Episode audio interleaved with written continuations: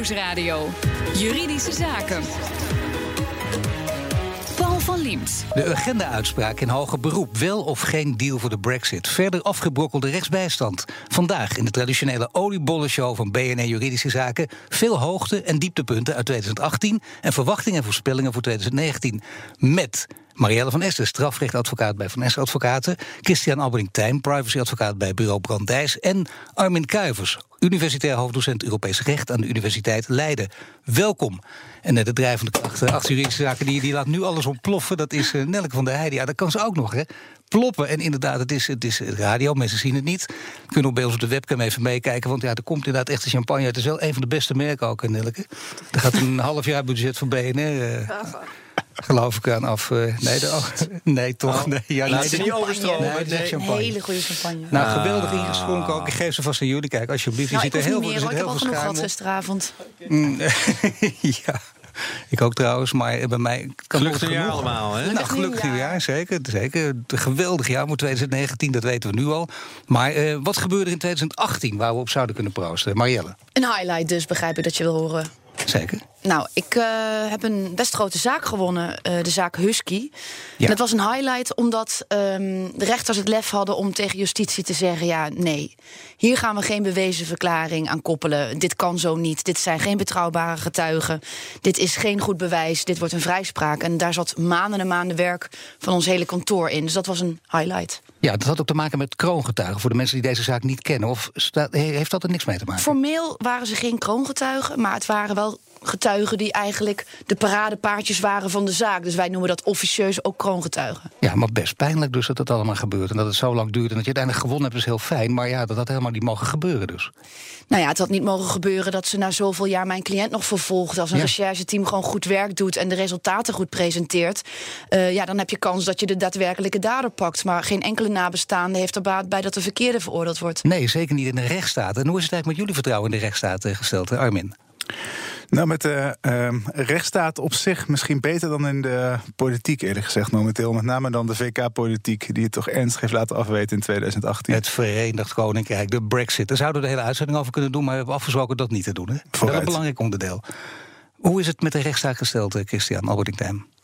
Nou, er is positief en er is negatief nieuws. Als we kijken naar 2018. Uh, ik denk dat het positieve nieuws is de Urgenda-uitspraak van het Hof Den Haag.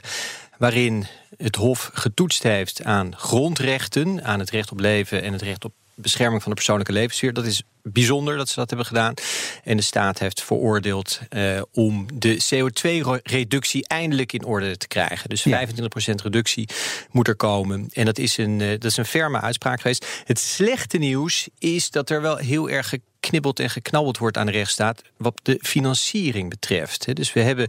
Maar waar zie je dat vooral? Nou, je ziet het bij de financiering uh, van de advocatuur. Uh, dat weten we al een hele tijd. Uh, gefinancierde rechtsbijstand. Maar je ziet het ook aan de financiering van de rechterlijke macht. En vorig jaar zijn voor het eerst echt rechters flink in opstand gekomen tegen het gebrek aan geld dat ze krijgen. Maar ja, flink in opstand gekomen, niet in gele toga's de straat op. Dus dat valt wel mee. En ook geen gele hesjes wat dat nee. betreft. Nee, maar voor rechters was dit vrij heftig. Uh, het mag wel een tandje meer, vind ik ook. Uh, maar je ziet, of wij in de advocatuur, dus Marielle van Essen en ik... we zien ze bij bosjes neervallen. Ze raken echt allemaal overspannen. Zaken worden niet afgerond. Uh, er komt geen uitspraak. Eindeloze aanhouding. Nee, maar dit is waar. Het... Je zit niet te overdrijven. Daarom nee, is het echt een heel pijnlijk echt, punt. Ja. Dit is echt waar. Dus het is echt heel ernstig. Maar Marielle, bevestig je dit of niet? Nou ja, en dat rommelt niet alleen in de rechtspraak. Ik was gisteren op het Hof uh, om uh, nog eens na drie maanden te toetsen of mijn cliënt wel in hechtenis moest blijven. Ja, mevrouw Vanessa, we lopen wat uit. Er staan vanmiddag 108 zaken gepland in twee uur. Precies één minuut per zaak. Ja. Dan gaat zo'n cliënt na drie maanden in de bak te zitten. Hoopt hij naar de rechtbank te gaan om daar een echte toets te krijgen van die hechtenis. Ja, dat kan je iemand gewoon echt niet uitleggen. Maar het is niet alleen bij de rechtspraak het geval. Bij de Openbaar Ministerie rommelt het. In Brabant trokken zelfs officieren zelf aan de bel. He, dat de meerdere boven hen. En dat die een werksfeer creëren die niet, niet kon. Affaires, toestanden. Nou ja, ik, ik, ik merk ook dat de kwaliteit. Maar ja, van... bij het OM daarnaast ook heel veel werk doet natuurlijk ook enorm veel bezuinigen. Dus dan moet je ook heel veel werk verrichten met heel weinig mensen. Ja, en er wordt dan ook een hoop gezegd natuurlijk over advocaten en hun uh, moreel besef. Maar ik denk dat ook bij het Openbaar Ministerie toch wel als je zelf over begint. Ja. ja, nee, ja, er is toch wel echt wat loos. En dat, dat komt natuurlijk de kwaliteit van de rechtspraak in algemene zin niet ten goede. Als je zo beknipt afgeknibbeld op de advocatuur. Als de rechters aan de bel trekken, als, het, als officieren zelf ook aan de bel trekken van het rommelt bij ons in de top. En we hebben een zieke werksfeer, we kunnen dit niet aan. Ja, dan, dan stevenen we wel af op een bananenrepubliek. Is het echt zo erg? Bananenrepubliek, Armin Kuivers? Nou, mijn Europees rechtelijke met een Europees rechtelijke blik zou ik dan ehm, ook nog even de vergelijking willen maken met Polen en Hongarije, waar het nu echt misgaat qua rechtsstaat. Waar de regering direct aan het ingrijpen is in de rechtelijke macht. Mensen benoemd. Het ministerie van Justitie kan direct ingrijpen in rechtszaken. Als er, denk ik, binnen de EU ergens een grote dreiging is voor de rechtsstaat, dan is het daar. Maar het is wel een goed signaal dat, terwijl we op onze moral high ground naar Polen en eh, Roemenië kijken, we ook scherp in de gaten houden dat we het zelf goed blijven doen. Ja, Marielle zegt 108 zaken en eh, al die zaken die hebben hooguit één minuut. Ik bedoel, dat, eh, dat is, de huisarts heeft het niet eens zo erg. Dat is een eh, indrukwekkende score voor twee uur, als je dat af kan merken. Ja, nee, nee maar serieus, voor een Ja, het is, dat is- is ongekend toch? Het is, het is heel ernstig. En kijk, ook als je eh, naar Nederland kijkt, dan valt er nog een hele hoop te verbeteren. Medio december vorig jaar heeft de commissie Remkes zijn rapport eh, uitgebracht over de verbetering van de democratische rechtsstaat. Ja. Een van de aspecten daarin was introductie van een constitutioneel hof. Dat hebben wij niet in Nederland. Dus we hebben geen grondwettelijk hof. Dus er wordt niet getoetst. Wetten worden niet getoetst aan grondrechten.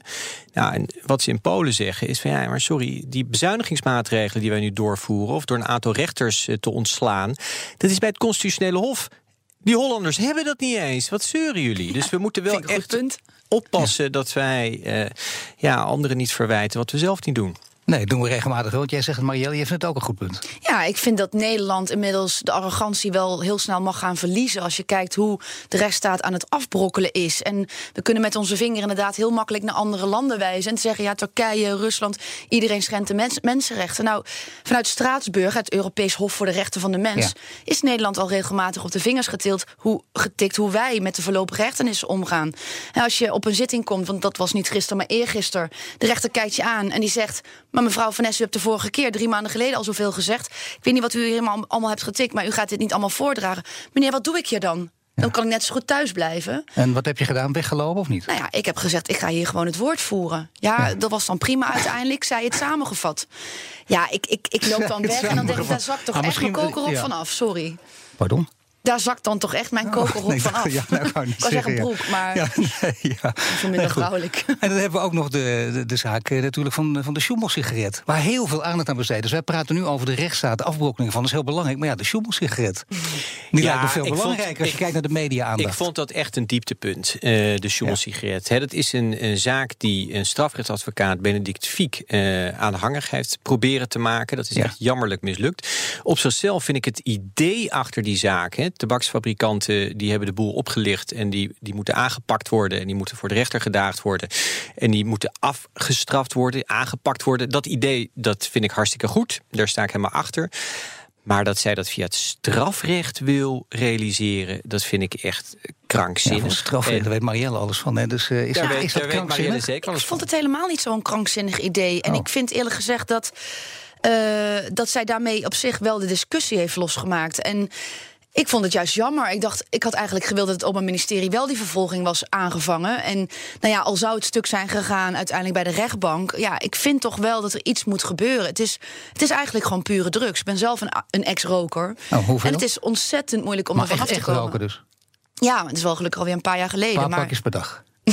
Nee, nou ja. Zo ernstig is het nou ook weer niet geweest, Paul. Nou Maar ja, goed, nee, ik eh. heb wel stevig gerookt. En het is gewoon echt ontluisterend om te zien dat er gewoon letterlijk stofjes in worden gestopt om je extra verslaafd te maken. Nee, maar helemaal terecht. En daar Dus moet je ook iets aan doen. Maar ik vind dat als jij strafrechtadvocaat bent... en ook niet de minste geringste, Benedict Fiek...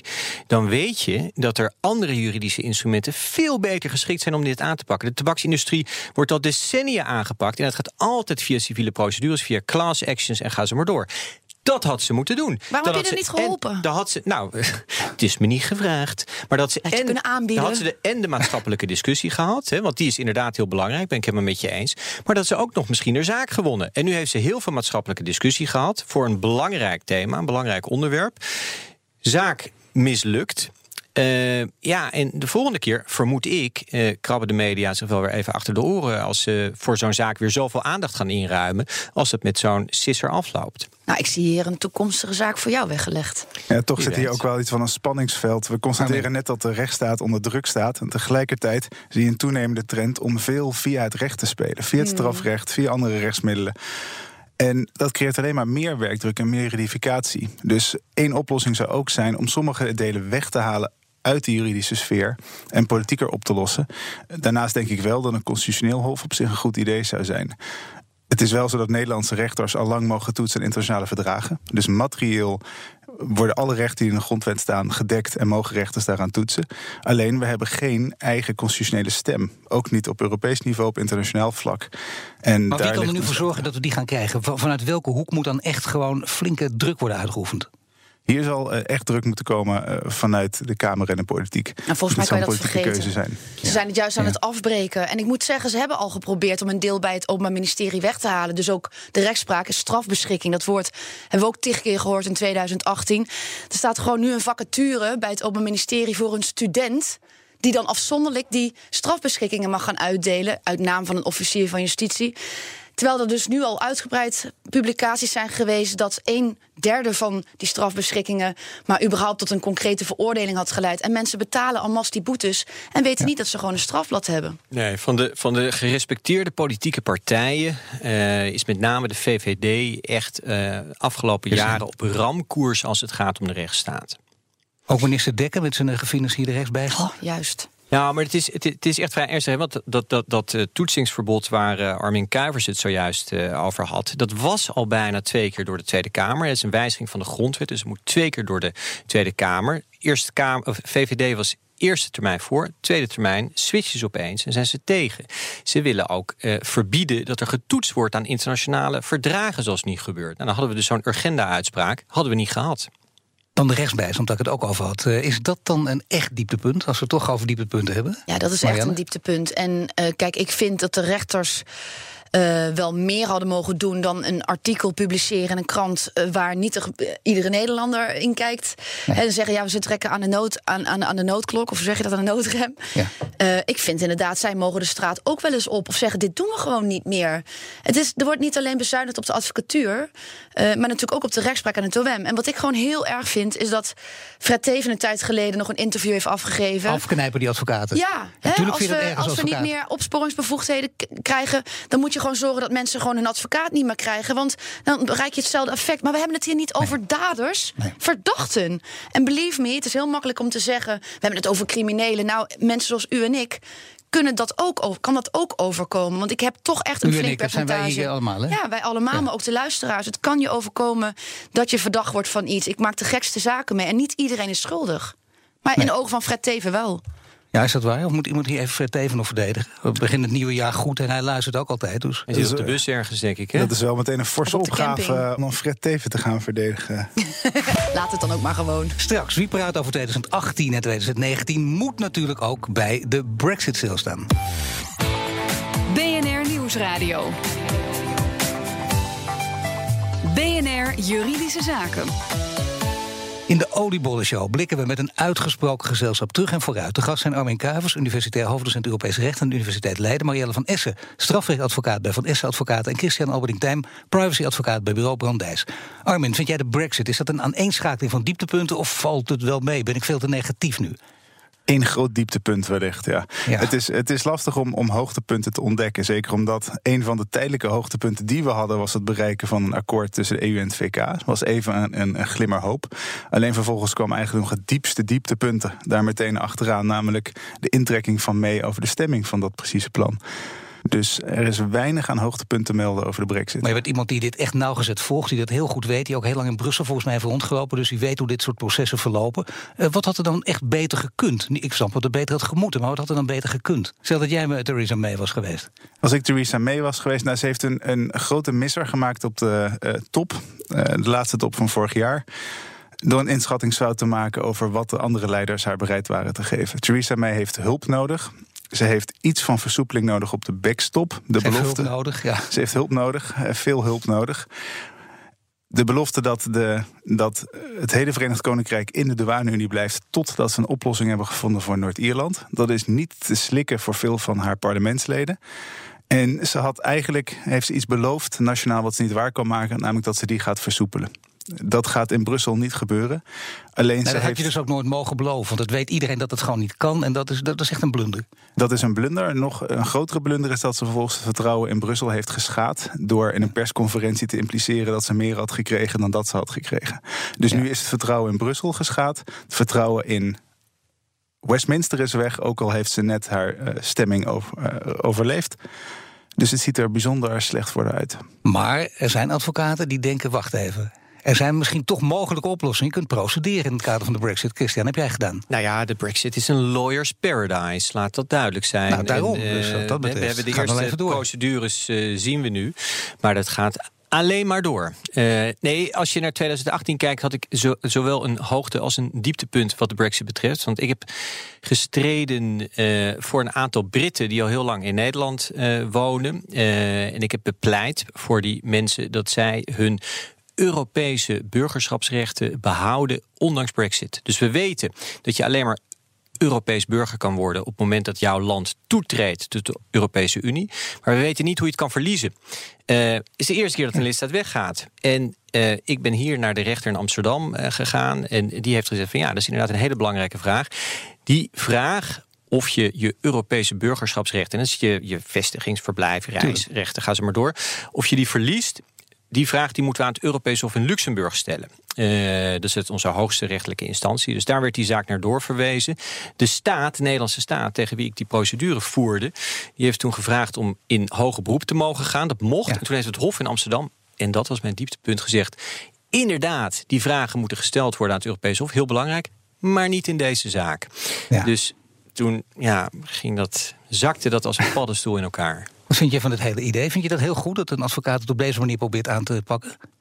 Het is een terechte vraag om te vechten voor de rechten van, van Britse burgers na het VK. Ik denk zelf dat juridisch gezien de kans niet groot is dat lidstaten autonoom burgerschapsrechten moeten blijven garanderen na Brexit. Simpelweg omdat het verdrag het letterlijk koppelt aan het bezit van burgerschap van een van de lidstaten. Nou, is eh, Brexit een lawyer's paradise, zegt eh, Christian. En merk jij er als strafrechtadvocaat ook iets van? Eh, Nee, nee nog echt niet. helemaal niets. Omdat ja, criminaliteit is eh, ja, van alle tijden, van alle rangen en standen. Niet afhankelijk van wel, niet brexit, hard, zachte brexit. Dat maakt eigenlijk niet uit. Eh, jij kijkt ook naar de Brexit als als persoon, als als iemand die midden in de maatschappij staat. Wat vind je daar dan van? Kijk, het is natuurlijk mooi om te denken hè, van, nou ja, het, het, het, het, het eh, haalt ook bedrijven hier naar Nederland. Dat creëert weer werkgelegenheid. Maar eh, kennelijk, ook op de langere termijn, kost het ons miljarden. En dan denk ik, ja, dat is toch wel diep triest. Het kan toch niet waar zijn dat als het zowel Engeland als de rest van Europa zoveel geld gaat kosten, ook op langere termijn, dan kan je toch niet voorstellen dat het gebeurt. Voor mij als strafadvocaat zal het niet zoveel uitmaken. Maar het is wel steeds complexer en complexer aan het worden. Het kan ook een soort house of cards worden... met misschien wel een hele positieve uitkomst ook nog kunnen. Dat er uiteindelijk uit de hoge hoed komt... eh, we gaan helemaal niet uit eh, het woord remain. Zou dat kunnen of is dat echt totale onzin? Nee, dat is geen onzin meer. Sterker nog, het Hof van Justitie heeft een interessante bijdrage gedaan. Ze hebben vlak voordat de beoogde stemming in het parlement in het VK zou plaatsvinden, hebben ze geoordeeld dat het Verenigd Koninkrijk zich mag terugtrekken unilateraal. Dus het VK kan op ieder moment tot 29 maart 11 uur eenzijdig beslissen lid te blijven van de Europese Unie. En het is heel lastig om te voorspellen, zeker jullie positie. Maar toch, als je het even doet, gezien de dag ook vandaag... is het dan leuk om dat even te proberen. Wat denk je welke kant het op gaat? Laat ik mikken op een, op een spectaculair hoogtepunt in 2019. De trendlijn is richting een tweede referendum en richting een Remain. Het is Op absoluut geen 28 gegeven.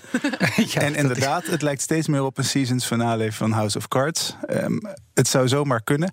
Het is verre van gegeven, maar er is geen meerderheid voor Theresa May's deal. Er is geen meerderheid voor een harde brexit. Dus zou het logisch zijn om te blijven. Maar als er iets niet logisch is geweest tot nu toe, is het wel VK en brexit. Ja, nou goed. Christian. Nou, het interessante is deze, deze zaak eh, waar Armin Kuivers het over heeft, die is geïnitieerd door dezelfde advocaat als de advocaat die. Engelse advocaat Britse barrister die de zaak hier, de Brexit-zaak hier in Amsterdam heeft geïnitieerd. Dus wat hij doet, is hij is een hele hoop onderwerpen aan het aankaarten bij verschillende rechters en hoopt dus dat het Europese Hof daar uitspraak over doet. Nou, dit was dus een fantastische uitspraak van hem, want nu blijft de mogelijkheid van een tweede referendum voortdurend boven de markt zweven. Nou, geweldig toch? Het Hof van Justitie heeft een derde optie gegeven aan het Britse parlement. Ik ben er zelf eh, erg blij mee met die uitspraak. Ik denk dat die juridisch ook correct is, hoewel er veel spanning, uh, veel weerstand is. Met name omdat het volledig eenzijdig mag. Het risico is dat lidstaten nu eenzijdig gaan spelen met die intrekking. En dat ze dus kunnen zeggen: we gaan de Unie verlaten, we willen concessies. En uiteindelijk toch nog eenzijdig intrekken. Ik denk dat dat wel mee zal vallen. Alleen dat economische schade van aankondigen dat je de Unie verlaat is enorm. Ehm, dus overal denk ik dat dit een goede uitspraak is van het Hof van Justitie. En inderdaad biedt hoop. En we gaan aan het begin van het jaar natuurlijk ook nog praten over de Algemene Verordening Gegevensbescherming. Want ja, het komt er toch aan, hè, die boete van de autoriteit persoonsgegevens. En die is er nu gevallen voor een groot bedrijf, ook een boete. Christian, voor? Ja, voor Uber. Uh, En dat is de eerste keer dat de Wie van jullie trouwens rijdt? Jullie met, al met Uber of niet? Ja. Marielle, ja, ik dacht het al. Ja, wel een boete. ja. ja. wie niet? En dan is de kans heel groot dat jouw gegevens uh, gelekt zijn door Uber. Er zijn van 175.000 Nederlanders bijna 60 miljoen Uber-gebruikers wereldwijd zijn de gegevens uh, gelekt. Nou, dat kan gebeuren, dat is heel vervelend. En dan heb je een meldplicht. Maar is Uber dat trouwens niet ingeschat? Want die weten ook dat dit kan gebeuren. Die denken, nou, die boete die valt wel mee, dus die betalen we gewoon. En dan kunnen we lekker doorgaan met gegevens verzamelen. Nou, als je die beslissing leest van de toezichthouder, de autoriteit persoonsgegevens, dan is er echt een hele hoop mis bij Uber. Uh, de autoriteit, ik ga even citeren, heeft geoordeeld dat Uber grof, aanzienlijk onzorgvuldig, onachtzaam, dan wel onoordeelkundig, lastige woorden ook, ja. hebben gehandeld waar er sprake is van ernstig verwijtbare nalatigheid. Dat is ongelooflijk dat een toezichthouder zich in zulke bewoordingen uitdrukt. Dus Uber heeft er in gewoon Hollands echt een potje van gemaakt. Uh, en dat is een reden, zou je bijna zeggen, om niet meer met Uber te moeten. Of ik bedoel, dat oordeel doet er nou niet nou, toe. Maar ze hebben na al deze schandalen wel even hun uh, privacy awareness wat uh, opgeschaald. Ja. Dus ze hebben goede mensen naar, naar, naar maar vind je het erg, Marielle, dat jouw gegevens gelekt zijn terwijl je heel vaak met Uber reist? Ja, ik vind dat heel vervelend. En dan denk ik, ja, als wij zelfs als klein bedrijf bij Van Advocaten de, de AVG op orde hebben en daar deskundigen voor hebben ingeschakeld om alles door te lichten en dat dat allemaal in orde is, dat zo'n bedrijf als Uber dat dan niet heeft gedaan. En het ergste vind ik nog, dat vind ik bijna crimineel. Om als dat dan gebeurt, dat je het dan vervolgens niet meldt. Sterker nog, ze hebben dus degene die het aan het licht hebben gebracht, dus degene die het hebben gemeld bij Uber, hebben ze 100.000 dollar betaald om te zwijgen onwaarschijnlijk. Hè? Dus met name dat gedrag dat de autoriteit zeer kwalijk acht. Een boete van 600.000 euro. Ja, eerlijk gezegd, wij vonden dat nog wel meevallen... als je kijkt naar de, naar, de, naar de overtreding en, ja, de, daarom, en de schending dat, van de AVG. Daarom, dus Uber kan het weglachen ja. en denken dat maakt ons niet maar uit. Maar godzijdank is het dan nu voor het eerst eindelijk eens gebeurd... dat er een flinke boete is opgelegd. En nu maar hopen dat dat vaker gebeurt. Die autoriteit uh, persoonsgegevens die heeft ook geroepen. Hè, we willen nu eventjes toeslaan. En veel mensen hebben gezegd: oh, nu laten ze even de tanden zien. En dat kun, kan, kan voor sommigen heel slecht uitpakken. Hoe is het gesteld met de, de universiteit waar je werkzaam bent? Nou, ook wij zijn er uh, volledig aan onderworpen. Dus we hebben al ons onderzoek moeten onderwerpen. We hebben dataplannen moeten opstellen. Uh, moeten zorgen dat alle gegevens. Maar is het echt allemaal moeten, moeten, heel vermoeiend en vervelend? Of heel fijn dat het uiteindelijk gebeurt? Het is, kijk, zeker als Europees rechtsjurist mag ik niet hard klagen, want we het allemaal door de EU opgelegd. Dus we zitten in een dubbele positie. Ja. Het is vaak veel werk, het is vervelend, maar uiteindelijk is het cruciaal omdat uitlekken van data en het delen van data kan heel veel schade veroorzaken. Mijn mooiste persoonlijke voorbeeld vind ik dat creditcardmaatschappijen met de data die ze hebben uh, vrij goed kunnen voorspellen wie er een affaire heeft en wie er zwanger is. Vaak voordat andere betrokkenen het weten. Als je weet wat je kan met die data, dan moet je blij zijn dat het bewaakt wordt. En ja, dat vergt nou soms vervelende regelgeving. God, die creditcardmaatschappij, heb je een creditcard? Ik heb een, een tweetal creditcards, zakelijk Oppassen. en privé. Maar ik heb geen affaire, dus ik ben niet bang. Nee, nou ja, goed, dat is nu dat is, dat trouwens groot nieuws. Zeg. Misschien moeten we daar ook iets mee doen in dit programma. Meteen begin van het jaar. hoe, hoe gaat het met de rechtsstaat in 2019? Want laten we even kijken of we ook nog een beetje leuk kunnen eindigen. Ik bedoel, het begin in het jaar, dan uh, zeggen we, hoe gaat het met de rechtsstaat dit jaar? Gaat het uiteindelijk toch beter na al die dingen die we nu op tafel hebben gelegd? Marianne Ja, van ik, denk dat zometeen er dusdanig grove fouten worden gemaakt... dat gewoon landelijk gezien mensen echt in opstand komen en zeggen... ja, maar dit kan zo niet. Nee. En dat zulke fouten, aantoonbaar foute beslissingen worden gemaakt... dat het gewoon een chaos wordt. En je zal toch eerst een dieptepunt moeten bereiken... voordat je omhoog gaat. En ik denk dat bepaalde regelgeving en beslissingen... gewoon weg teruggedraaid moeten worden. Omdat ja, we dus niet toe willen naar die bananenrepubliek. Ja, dat zijn hele mooie, belangrijke woorden. Kun jij daar nog overheen, Armin? Ik denk het wel, hè? Laat ik als academicus eens iets raars doen het over geld hebben. Kijk, uiteindelijk gaat het ook bij rechtsstaat om geld. Dan moet je naar de wortel van het probleem. En dat is dat we veel belastinginkomsten mislopen... doordat grote internationale ondernemingen simpelweg de belastingen kunnen ontwijken. Dus het klinkt misschien gek, maar ik zou zeggen... als je de rechtsstaat wil versterken, ga dat geld dat je nodig hebt ophalen... door eindelijk internationaal samen te werken... over het belasten van grote multinationals. Oké, en zo kunnen we er weer tegenaan. 2019 Christian Alberding-Tijn, privacyadvocaat bij Bureau Brand Dijs. Armin Kuivers, universitair hoofddocent Recht aan de Universiteit Leiden. En Marielle van Essen, strafrechtadvocaat bij Van Essen Advocaten. Hartelijk dank. En dit was de uitzending voor vandaag. U kunt de show terugluisteren via de site, de app, iTunes of Spotify. Mijn naam is Paul van Diemt. Tot de volgende zitting.